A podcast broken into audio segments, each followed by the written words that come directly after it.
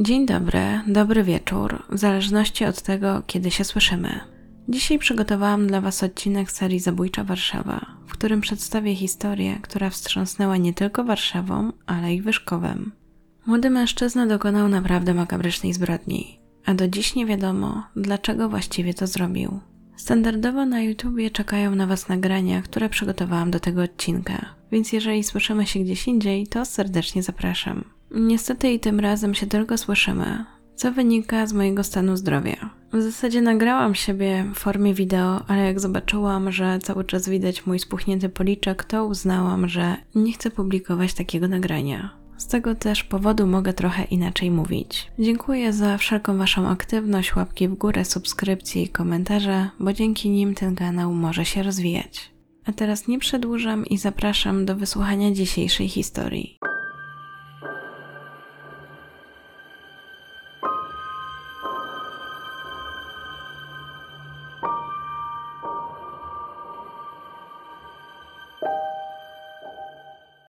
Ulica Chłodna znajduje się na Woli, tuż obok centrum Warszawy. Powstała jako droga narolna, wiodąca z placu Mirowskiego do wsi Wola. Prawdopodobnie jej nazwa wiąże się z chłodnymi wiatrami, które były tutaj dawniej odczuwane. Niedaleko niej jest dobrze znana warszawiaką hala Mirowska, która każdego dnia ściąga tłumy. Między innymi ze względu na hale targowe, które się tutaj znajdują.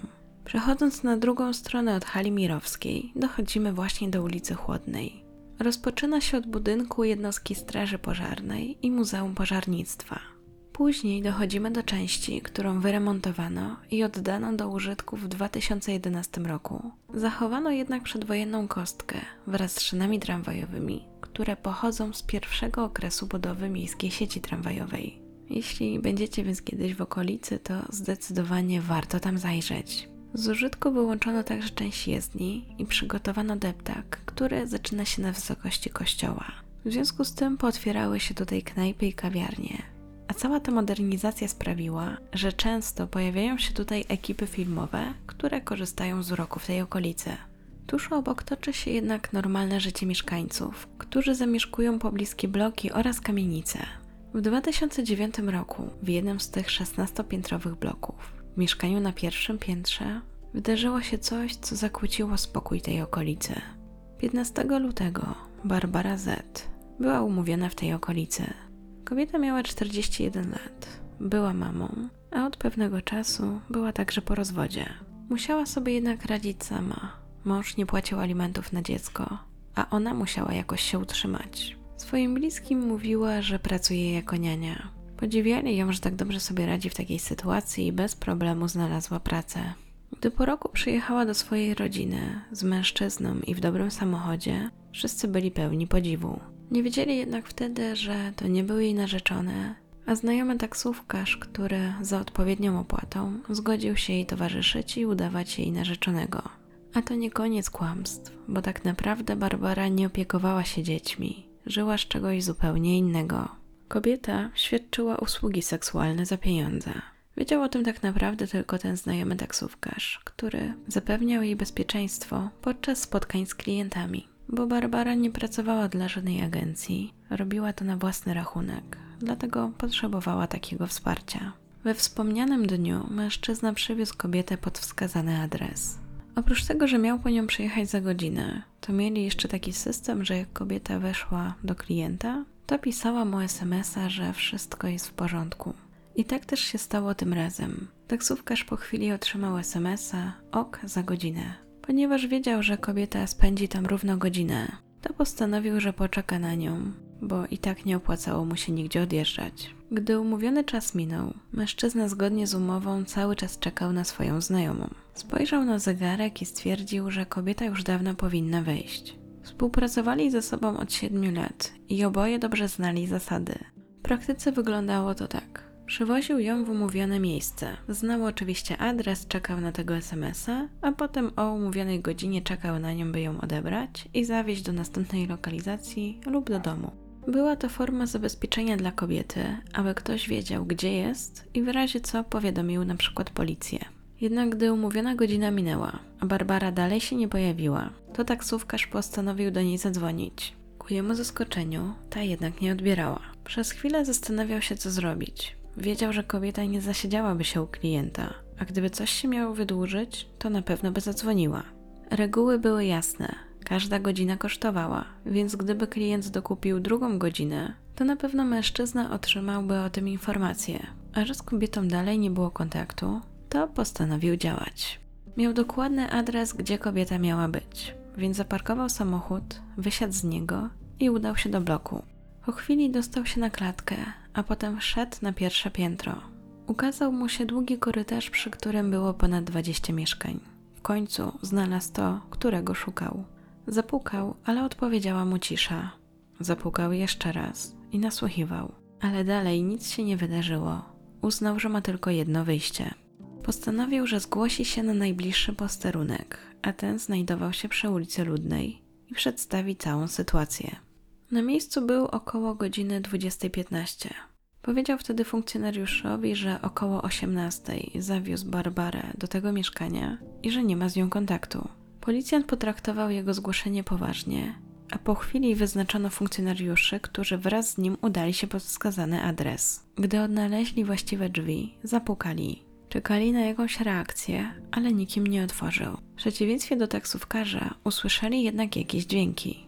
Ponieważ wiedzieli od mężczyzny, że kobieta była tam umówiona z klientem, zdawali sobie sprawę z tego, jakie ryzyko niosą takie usługi. Dlatego postanowili nie zostawić tak tej sprawy. Zwłaszcza, że byli przekonani o tym, że z mieszkania naprawdę słychać dźwięki. Na miejsce wezwano więc straż pożarną. Skorzystano ze specjalnej drabiny, by strażacy mogli zajrzeć przez okno, jak wygląda sytuacja. Akurat jedno było uchylone. Ku ich zdziwieniu, w środku siedział młody mężczyzna, który na ich widok powiedział, że wszystko jest w porządku. Zapewnił, że nic się nie stało i zaraz otworzy im drzwi wejściowe. W związku z tym funkcjonariusze oraz strażacy, którzy byli na zewnątrz, udali się do klatki, potem na pierwsze piętro, by zgodnie z obietnicą młodego mężczyzny wejść do środka.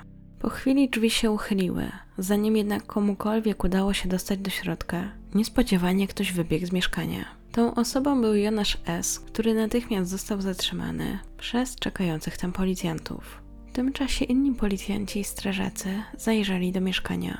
Nie spodziewali się jednak takiego widoku. Był on tak makabryczny, że wszyscy byli w szoku. Wszędzie była krew, a w łazience odkryli zwłoki Barbary. Jej ciało leżało w wannie, miała odcięte ręce i nogi. Do tego sprawca rozciął jej brzuch, z którego wystawały wnętrzności. Szybko zauważono, że brakuje niektórych organów. Podejrzewano, że część z nich zabójca mógł wyrzucić do kanalizacji.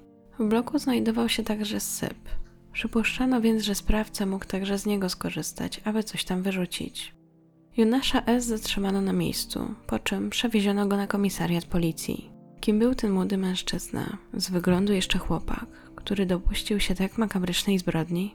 Szybko ustalono, że 21-latek pochodził z szanowanej wyszkowskiej rodziny. Jego ojciec prowadził firmę budowlaną, a matka była redaktorką lokalnej gazety, w której też Jonasz od czasu do czasu pracował. Wyszkowie uczęszczał do liceum. Nie był to dla niego łatwy czas. Próbował jakoś się odnaleźć, chciał zerwać z opinią, która do niego przelgnęła. Chciał być postrzegany jak ktoś fajny, chciał być akceptowany i doceniany, ale trudno było mu się wpasować. Nie pomagał mu w tym też wygląd, bo wyglądał na dużo młodszego niż był, a fizycznie był typem takiego słodkiego chłopca. Z opisu jednej z koleżanek Jonasz wyglądał tak. Jego twarz była okrągła, miał drugi podbródek, który lekko wystawał. Był dość wysoki, ale miał niewielkie dłonie, pewnym momencie, gdy zaczął dojrzewać, zapragnął zerwać z wizerunkiem grzecznego chłopca. Zapuścił włosy, zrobił sobie dredy, zaczął nosić glane, szerokie spodnie, do tego koszulę, którą wypuszczał na wierzch. Słuchał też muzyki metalowej. Ten nowy wizerunek był dla niego bardzo ważny. Takie symboliczne odcięcie się od przeszłości. Przykładem, jak bardzo istotne to dla niego było, była sytuacja, gdy ściął włosy, a później nie chciał chodzić do szkoły, dopóki nie odrosną. I według zeznań znajomych było to nawet miesiąc, półtora. Dopiero jak podrosły, spokojnie wrócił do szkoły. Ten jego nowy wygląd był postrzegany jako jego bunt. Dla jego otoczenia było to coś nienaturalnego, bo Jonasz kojarzył się swoim znajomym z klasy z zupełnie innym obrazem. Choć sam deklarował, że jest ateistą, z boku wyglądało to inaczej. Uczęszczał na religię, do tego miał z niej ocenę celującą. A gdy okazało się, że szkołę odwiedzi biskup, to od razu zadeklarował swoją chęć uczestnictwa w uroczystościach podczas tej wizyty. Jedna z jego koleżanek twierdziła także, że widziała go w kościele, gdzie grał na gitarze. Także bardzo chciał uchodzić za buntownika, ale swoim zachowaniem sam temu przeczył. Wiele w nim było widać sprzeczności, a dokładniej między tym, jaki chciał tworzyć obraz swojej osoby, jak bardzo chciał się odciąć od tego, co było, a tym, jak postrzegali go inni. Na pewno w ich oczach nie był ani ateistą, ani buntownikiem. Jeśli chodzi o jego pasję, to przede wszystkim była nią fotografia. To właśnie nią zajmował się w redakcji, w której pracował. Miał też wizję co do swojej przyszłości. Jako, że ciągle aspirował do tego, by inni widzieli w nim mężczyznę, a nie chłopca, to w zasadzie jego wybór nikogo nie dziwił. Bo Jonasz chciał zostać strażakiem i planował, że zrealizuje tę chęć zaraz po maturze. Na takie studia chciał wyjechać do Warszawy. I wszystko wyglądało na to, że niedługo spełni swoje marzenie. Choć koledzy i koleżanki z klasy nie do końca za nim przepadali, to nauczyciele mieli o nim całkiem dobre zdanie. Jego dyrektorka wspominała później, że był dobrym i uczynnym uczniem. Twierdziła także, że gdyby miała powiedzieć o nim coś złego, to by skłamała. Wydaje się, że sytuacja w szkole miała dosyć kluczowe znaczenie, jeżeli chodzi o przyszłość Jonasza. Jak wspominałam, chłopak nie odnajdował się w środowisku rówieśników. Nie był jednym z tych lubianych i popularnych uczniów, wręcz odwrotnie. Powiedziałam także, że miał na to wpływ nie tylko wygląd, ale także i jego zachowanie. Rezultatem było to, że skoro nastolatek nie odnajdował się w tym świecie, to próbował stworzyć swój własny, był zamknięty, izolował się od innych. Jak tylko potrafił, unikał konfliktów, nie przejawiał agresji. To sprawiało, że był postrzegany jako ktoś słaby. Z kolei to wiązało się z tym, że inni mu dokuczali. Ale nawet wtedy starał się nie zaogniać sytuacji. Nie reagował na zaczepki i docinki innych. Jeśli ktoś miał z nim jakiś problem, to działał tak, aby jak najszybciej uspokoić sytuację. Dla przykładu, pewnego dnia Jonasz postanowił założyć kurtkę, do której przyszył naszywkę z dość przykuwającym oko napisem, zdecydowanie wzbudzającym kontrowersję. Brzmiał on tak: Jezus ukrzyżowany zabije twojego idola. Nie trzeba było długo czekać, aby znalazło się kilku takich, którym to nie odpowiadało. I nie bali się o tym głośno powiedzieć. Trzech chłopaków postanowiło zareagować, a wręcz nakazać mu, aby tę naszywkę sobie usunął. Jonasz nie zastanawiał się długo. Bez żadnej dyskusji zrobił to, co na nim wymusili. Wolał mieć spokój. Ale liceum na szczęście nie wiązało się tylko z przykrymi doświadczeniami dla nastolatka.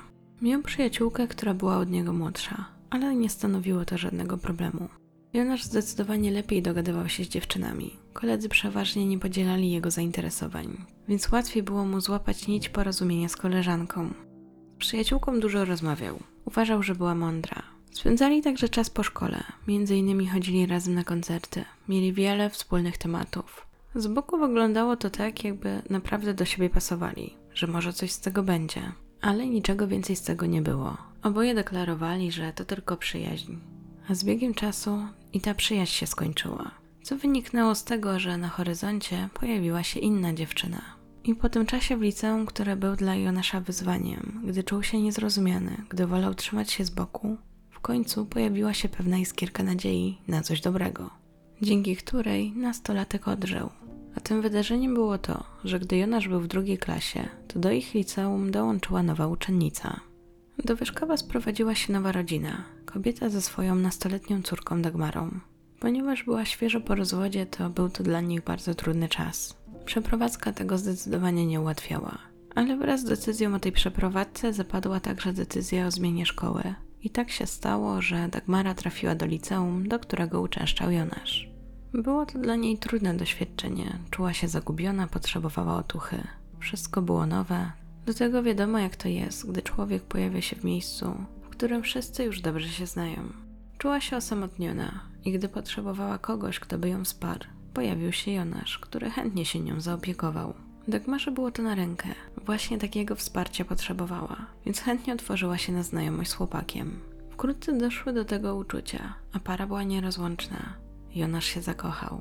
Wydawało się, że ze wzajemnością, a rozkwit ich miłości dostrzegli także nauczyciele. To ich uczucie sprawiło, że nie było miejsca na pielęgnowanie innych znajomości, a przynajmniej tak uważała Dagmara. Dlatego nakłoniła Jonasza, aby ten zakończył swoją przyjaźń z dziewczyną, o której wcześniej wam wspominałam. Nie chodziło tylko o to, aby się nie spotykali, ale także o to, by w ogóle ze sobą nie mieli kontaktu. Miał więc usunąć jej numer, najlepiej nie tylko jej, ale także innych znajomych, by nikt nie przeszkadzał im w ich relacji. Chłopak był zakochany i dla swojej wybranki był gotów zrobić wszystko, więc godził się i na to. Gdy między nimi wybuchały jakieś kłótnie, to Jonasz również jak najszybciej chciał uspokoić atmosferę. Był gotów wziąć winę na siebie, byle tylko Dagmara się nie złościła. Ich związek przypominał kolejkę górską. Dostarczał wielu emocji. To napięcie było trudne dla nastolatka. Nie chciał tracić ukochanej. Zdarzały się jednak sytuacje, że dziewczyna z nim zrywała. Potem do siebie wracali, więc napięcie opadało. Chłopak nie przejmował się nawet tym, co Dagmara o nim sądziła. A bywało tak, że mówiła mu na przykład, że jest do niczego. Jemu to nie przeszkadzało. Mogła mówić co chciała, byle tylko go nie zostawiła. Jednak sam moment zerwania był dla niego nie do wytrzymania. Świat mu się zawalał, czuł jakby tracił powietrze, wpadał w ogromne przygnębienie. Gdy jednak znów mieli ze sobą kontakt, gdy znów byli razem, to czuł, że wszystko jest na swoim miejscu i może odetchnąć. Dagmara miała na niego ogromny wpływ, nie tylko na jego samopoczucie, ale także zachowanie. To za jej namową nie chodził do szkoły. Razem chodzili na tak zwane wagary. Czas spędzali najczęściej w jej mieszkaniu, bo też nie było w tym momencie zbyt wielu alternatyw, co ze sobą zrobić. Tych nieobecności nie dało się nie zauważyć. Nauczyciele je odnotowywali, a potem przekazywali te informacje mamie Jonasza. Kobieta była wzywana do szkoły i zupełnie nic o tym nie wiedziała, że jej syn nie uczęszcza na lekcje.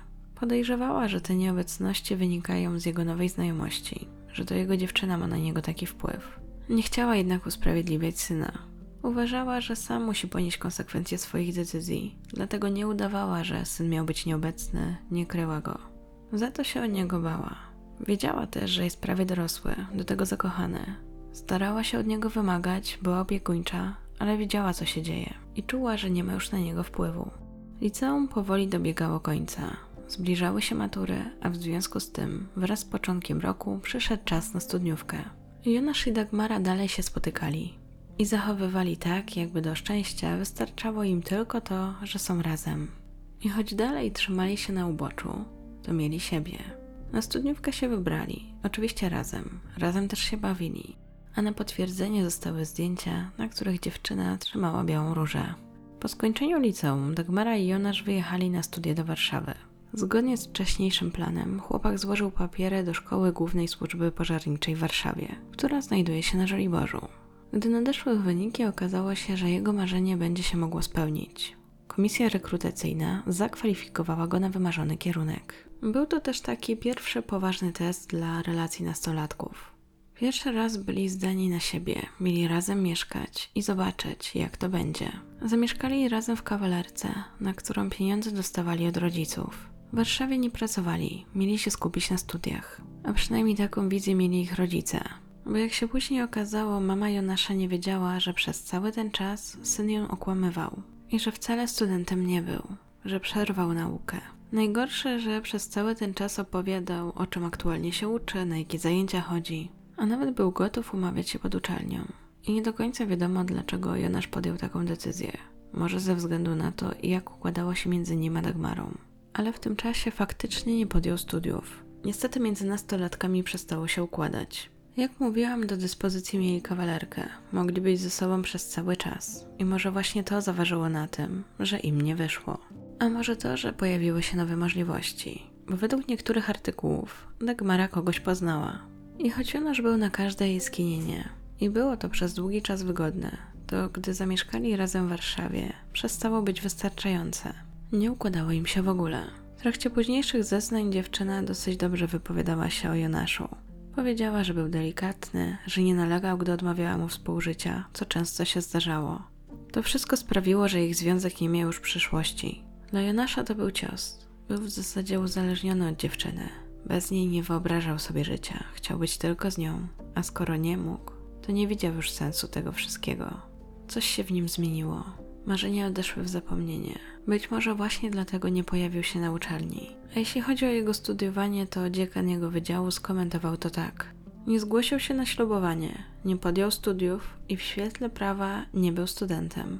Oznaczało to też jego oficjalne skreślenie z listy studentów po pierwszym semestrze. I taka ciekawostka z tego co wyczytałam, to uczelnia kształci zarówno studentów cywilnych, jak i mundurowych, a ci ostatni muszą się poddać badaniu psychiatrycznemu. Jonasz natomiast dostał się na studia cywilne, więc nie był wtedy badany. Ale i tak nie pojawił się w szkole, więc gdyby miał być badany, to nawet nie było ku temu okazji. Studia zaczynają się w październiku. Natomiast w artykułach jasno podkreślane jest, że Jonasz zamieszkał przy ulicy Chłodnej dwa tygodnie przed tragedią, co oznaczałoby, że zamieszkał tam w lutym. Czyli to też by oznaczało, że udawał, że jest studentem przez cały pierwszy semestr. Kilka dni przed tragedią, w piątek, był jeszcze w redakcji w Wyszkowie. Według świadków zachowywał się normalnie, rozmawiali wtedy o fotografiach, które miałyby być zamieszczone w internecie. Nic nie zapowiadało tego, co miało stać się w niedzielę 15 lutego. To właśnie tego dnia Jonasz chciał skorzystać z usług Barbary i w związku z tym zaprosił ją do swojego mieszkania na pierwszym piętrze. Spotkanie jednak nie poszło po jego myśli. Według jego zeznań było tak, że gdy kobieta przyjechała na ulicę Chłodną, to powiedział jej, że to był żart. Zmienił zdanie. Chciał jej zwrócić za taksówkę, dał jej 100 złotych. Ale kobietę to zdenerwowało, bo umawiali się na więcej. Zaczęła więc robić mu awanturę, że nie tak się umawiali. I gdy już wychodziła z jego mieszkania, rzuciła mu pod nogi te pieniądze. Zaczęła też go wtedy wyzywać. W pewnym momencie podniosła rękę i wyglądało to tak, jakby chciała go spoliczkować. Wtedy Jonasz zareagował, pociągnął ją, a ona uderzyła o framugę drzwi, a potem upadła. Z nosa lała jej się krew, więc zaniósł ją do pokoju i sprawdzał, czy żyje. Jednak według jego zeznań kobieta się nie ruszała. Działając pod wpływem emocji, stwierdził, że się jej pozbędzie. Nie potrafił jednak wyjaśnić, dlaczego nie wezwał pogotowia.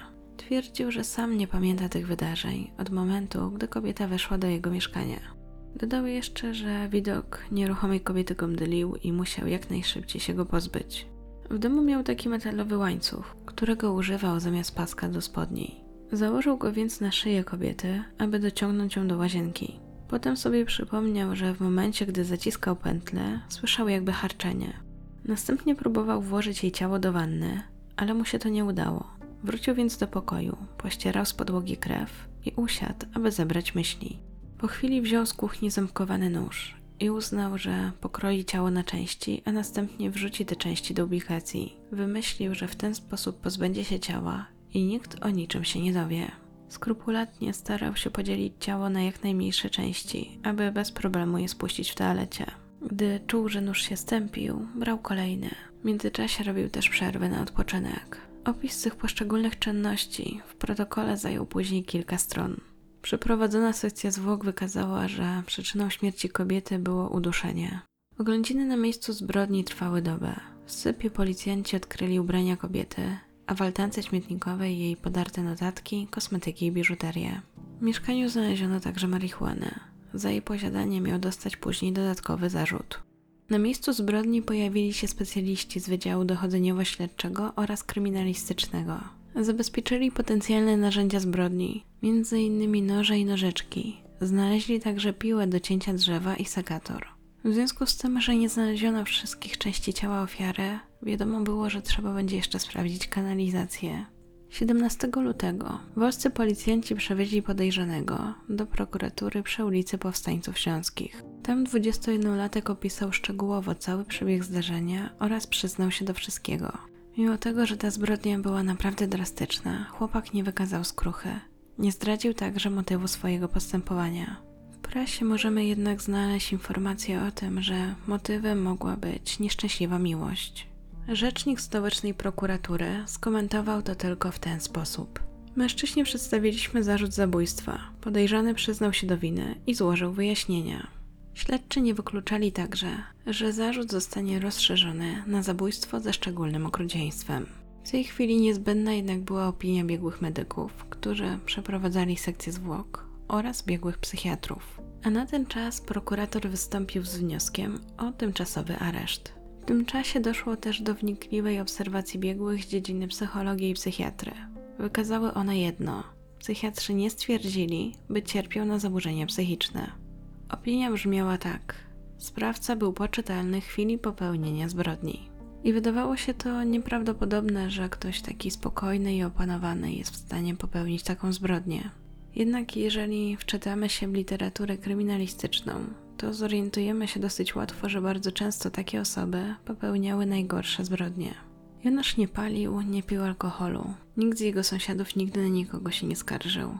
Taką opinię o nim sporządził sądowy kurator. Choć biegli nie dopatrzyli się zaburzeń psychicznych, to jednak podkreślili, że ma tak zwaną nieprawidłową osobowość, m.in. nadmierny egocentryzm czy niski poziom empatii. W opinii tej było także wspomniane o tym, że jeżeli badany popełnił zarzucany mu czyn, to jego etiologia może wywodzić się właśnie z nieprawidłowych cech osobowości. W opinii biegli podkreślili także, że nie byli w stanie odtworzyć sytuacji, jaka rozegrała się między badanym a ofiarą, a wynikało to z tego, że Jonasz zasłaniał się niepamięcią. Zbadano także jego reakcje seksualne. Były prawidłowe. Również poziom libido oraz realizacja seksualnych potrzeb były w granicach normy. Nie znaleziono też u niego żadnych zaburzeń preferencji seksualnych. W wywiadzie z seksuologiem twierdził, że Dagmara była jego pierwszą i jedyną partnerką seksualną. Dla niego współżycie musiało się wiązać z okazywaniem uczuć. Przeprowadzono także badanie mózgu, których wynik także był prawidłowy. Nie znaleziono więc niczego, co mogłoby w jakikolwiek sposób wytłumaczyć, dlaczego doszło do tej zbrodni. Profesor Gierowski, psycholog i wybitny specjalista, m.in. w zakresie motywacji sprawców zabójstwa, napisał, że wśród zabójców ci z motywów seksualnych odczuwają najsilniej brak we wszystkim poczucia mocy i kompetencji. Jego zdaniem pełno w nich rozgoryczenia i gniewu. Są wrogo nastawieni do otoczenia, uważają, że dzieje im się krzywda, ale przede wszystkim mają też silne pragnienie, aby swoją niską samoocenę podnieść i wzmocnić. Według specjalisty Jonasz nie był typowym zabójcą, który dopuszczał się zbrodni na tle seksualnym, a raczej należał do tych, których zabójstwo zaspokaja bardziej potrzeby psychiczne. Końcu przez lata żył z takim poczuciem odrzucenia, czuł się nieakceptowany, niechciany. Spotykało go wiele nieprzyjemnych sytuacji, aż poznał Dagmarę, ale w końcu i ona go odrzuciła. Bardzo prawdopodobne jest to, że wtedy wybuchł w nim ten gniew, który chował sobie przez lata. A według profesora Gierowskiego tłumione wewnętrzne napięcia powoli się kumulują, a potem rosną jak ciśnienie w kotle parowym. Z ustaleń dziennikarzy wynikało, że Jonasz też w ostatnim czasie miał dołączyć do grona osób, które dołączyły do grupy Złamane Serca na jednym z portali społecznościowych. Ale to, czy faktycznie Jonasz dokonał tej zbrodni z powodu złamanego serca, na razie pozostaje tajemnicą. Po tym jak prokuratura zakończyła śledztwo, to skierowała akt oskarżenia do Sądu Okręgowego w Warszawie. O procesie zrobiło się głośno, a dziennikarze zaczęli nazywać Jonasza Hannibalem Lekterem albo Kubą Rozpruwaczem. Proces zaplanowany był na 14 stycznia 2010 roku. Został jednak przełożony na marzec tego samego roku. W czasie procesu sądowego ani oskarżone, ani świadkowie nie zmienili swoich zeznań. Nie było więc żadnych niespodzianek, a wyrok zapadł dosyć szybko. Jedynie widać było zaskoczenie u bliskich ofiary, bo było to dla nich szokiem, że Barbara żyła z czegoś innego niż im opowiadała. Zaskoczony był także jej syn, który później działał z jej mieszkaniem, tam porządkował rzeczy i znalazł notatnik, w którym zapisywała terminy spotkań z klientami. Nie miało to oczywiście znaczenia dla procesu, ale było druzgocące dla rodziny. Jeśli chodzi o najbardziej prawdopodobną wersję, którą przyjął sąd, to była to ta wersja, że kobieta uderzyła się głową o framugę, następnie straciła przytomność, po czym Jonasz nie udzielił jej pierwszej pomocy ani nie wezwał pogotowia. Choć nie miał podstaw do tego, aby stwierdzić, czy kobieta żyje, postanowił, że pozbędzie się jej ciała. Jak się później okazało, kobieta dalej żyła, bo przyczyną śmierci było uduszenie. W związku z tym prokurator domagał się dożywocia. Z kolei obrońca wskazywał na to, że na ciele kobiety nie było śladów walki, a późniejsze jego działanie z ciałem kobiety, jakkolwiek makabryczne, nie powinno być podstawą do żądania najwyższej kary w kodeksie. Tym razem sąd przechylił się do wniosku obrońcy i uznał, że Jonasz jest winny nieudzielenia kobiecie pomocy po utracie przez nią przytomności, a następnie dokonania zabójstwa poprzez uduszenie. W związku z tym wymierzył mu wtedy wyrok 15 lat pozbawienia wolności z możliwością ubiegania się o przedterminowe zwolnienie po 10 latach. Prokuratura od razu odwołała się od tego wyroku. Prokurator uważał, że podczas procesu nie wyjaśniono wszystkich istotnych okoliczności sprawy, oraz podważył opinię seksuologa, który nie stwierdził u oskarżonego objawów zaburzeń popędu, mimo że sekcja wykazała, że cięcia nożem w intymnych miejscach ciała ofiary wykazywały cechy sadyzmu. W listopadzie 2010 roku warszawski sąd apelacyjny uchylił wyrok i skierował sprawę do ponownego rozpoznania. Powodem uchylenia były błędy w ustaleniach faktycznych i wady w uzasadnieniu pierwszego wyroku. Ponowny proces ruszył w połowie kwietnia 2011 roku. Ze względu na drastyczne szczegóły, oba procesy odbywały się z wyłączeniem jawności. Sąd utajnił także ustne uzasadnienia wyroków. Sędzia tłumaczyła to tak, że w sprawie pojawiają się wątki związane z życiem seksualnym stron, a sam opis zabójstwa ujawnia bardzo drastyczne okoliczności, które nie powinny być deliberowane na rozprawie bez wyłączenia jawności. Chodziło też o to, że jawność rozprawy mogłaby obrażać dobre obyczaje ze względu na przedmiot postępowania. Po drugiej rozprawie sąd okręgowy skazał Jonasza na dożywocie. Wyrok był zgodny z wnioskiem prokuratury oraz bliskich ofiary. Tym razem to obrona zapowiedziała złożenie apelacji. Gdyby jednak wyrok został utrzymany w sądzie apelacyjnym, to Jonasz o przedterminowe zwolnienie mógłby się ubiegać po 25 latach. Ostatecznie sprawa trafiła do Sądu Najwyższego, który postanowił oddalić kasację. W uzasadnieniu sędzia podkreśliła, że nie ma racjonalnych powodów do uznania zasadności skargi kasacyjnej. W samej kasacji obrona wskazywała na konieczność uzyskania dodatkowej, specjalistycznej opinii biegłych seksuologów. Sąd Najwyższy jednak uznał, że wcześniej nie naruszono procedur, nie zwracając się o taką opinię, zaś materiał, którym dysponowano, był wystarczający. Jeśli chodzi o to, jak Jonasz radził sobie z tą sytuacją, to nie radził sobie zbyt dobrze, a podczas widzeń z mamą miał płakać. Prosił ją także o dostarczenie mu książek do nauki angielskiego, poradników jak rysować i pisać książki, podręczników do nauki na kurs prawa jazdy oraz różnych czasopism. I to już wszystkie informacje, jakie znalazłam na temat tej sprawy. Jestem ciekawa, co wy o niej sądzicie. Prosiłabym Was też, aby w komentarzach zachować rozwagę, nikogo nie obrażać, pisać z zachowaniem szacunku. Tak samo, jeżeli uda Wam się dotrzeć do jakichś danych, to też bym prosiła, abyście ich tutaj nie podawali, bo takie komentarze po prostu będę usuwać. Bardzo cenię Wasze komentarze, ale też zależy mi na tym, aby nikogo one nie raniły. A bywa tak, że mogą je przeczytać bliscy osób, o których dzisiaj opowiadałam, dlatego chciałabym ich przed tym uchronić. I z góry Wam dziękuję za uszanowanie tej prośby. Jeśli dziś trochę trudniej się Wam nie słuchało, to też z góry przepraszam, ale pomimo problemów zdrowotnych bardzo chciałam nagrać ten odcinek. I starałam się, żeby było słychać je jak najmniej, ale niestety gdzieś tam mogły być słyszalne, więc wyjaśniam. Dziękuję też za wszelkie formy Waszego wsparcia, komentarze, łapki w górę i subskrypcje, a do tego oczywiście osobom wspierającym mnie na YouTube oraz na Patronajcie. A zwłaszcza Jakubowi, Adzie, Angelice, Angelice, Magdzie, Angelice, Jagodzie i Brygidzie. Dzięki Waszemu wsparciu ten kanał może dalej się rozwijać. I na koniec przypominam, że jeżeli chcecie być na bieżąco z moimi działaniami, to zapraszam Was na Instagram lub Facebooka. Linki znajdziecie w opisie. A teraz bardzo Wam dziękuję za wysłuchanie. Życzę miłego dnia, dobranoc, do usłyszenia.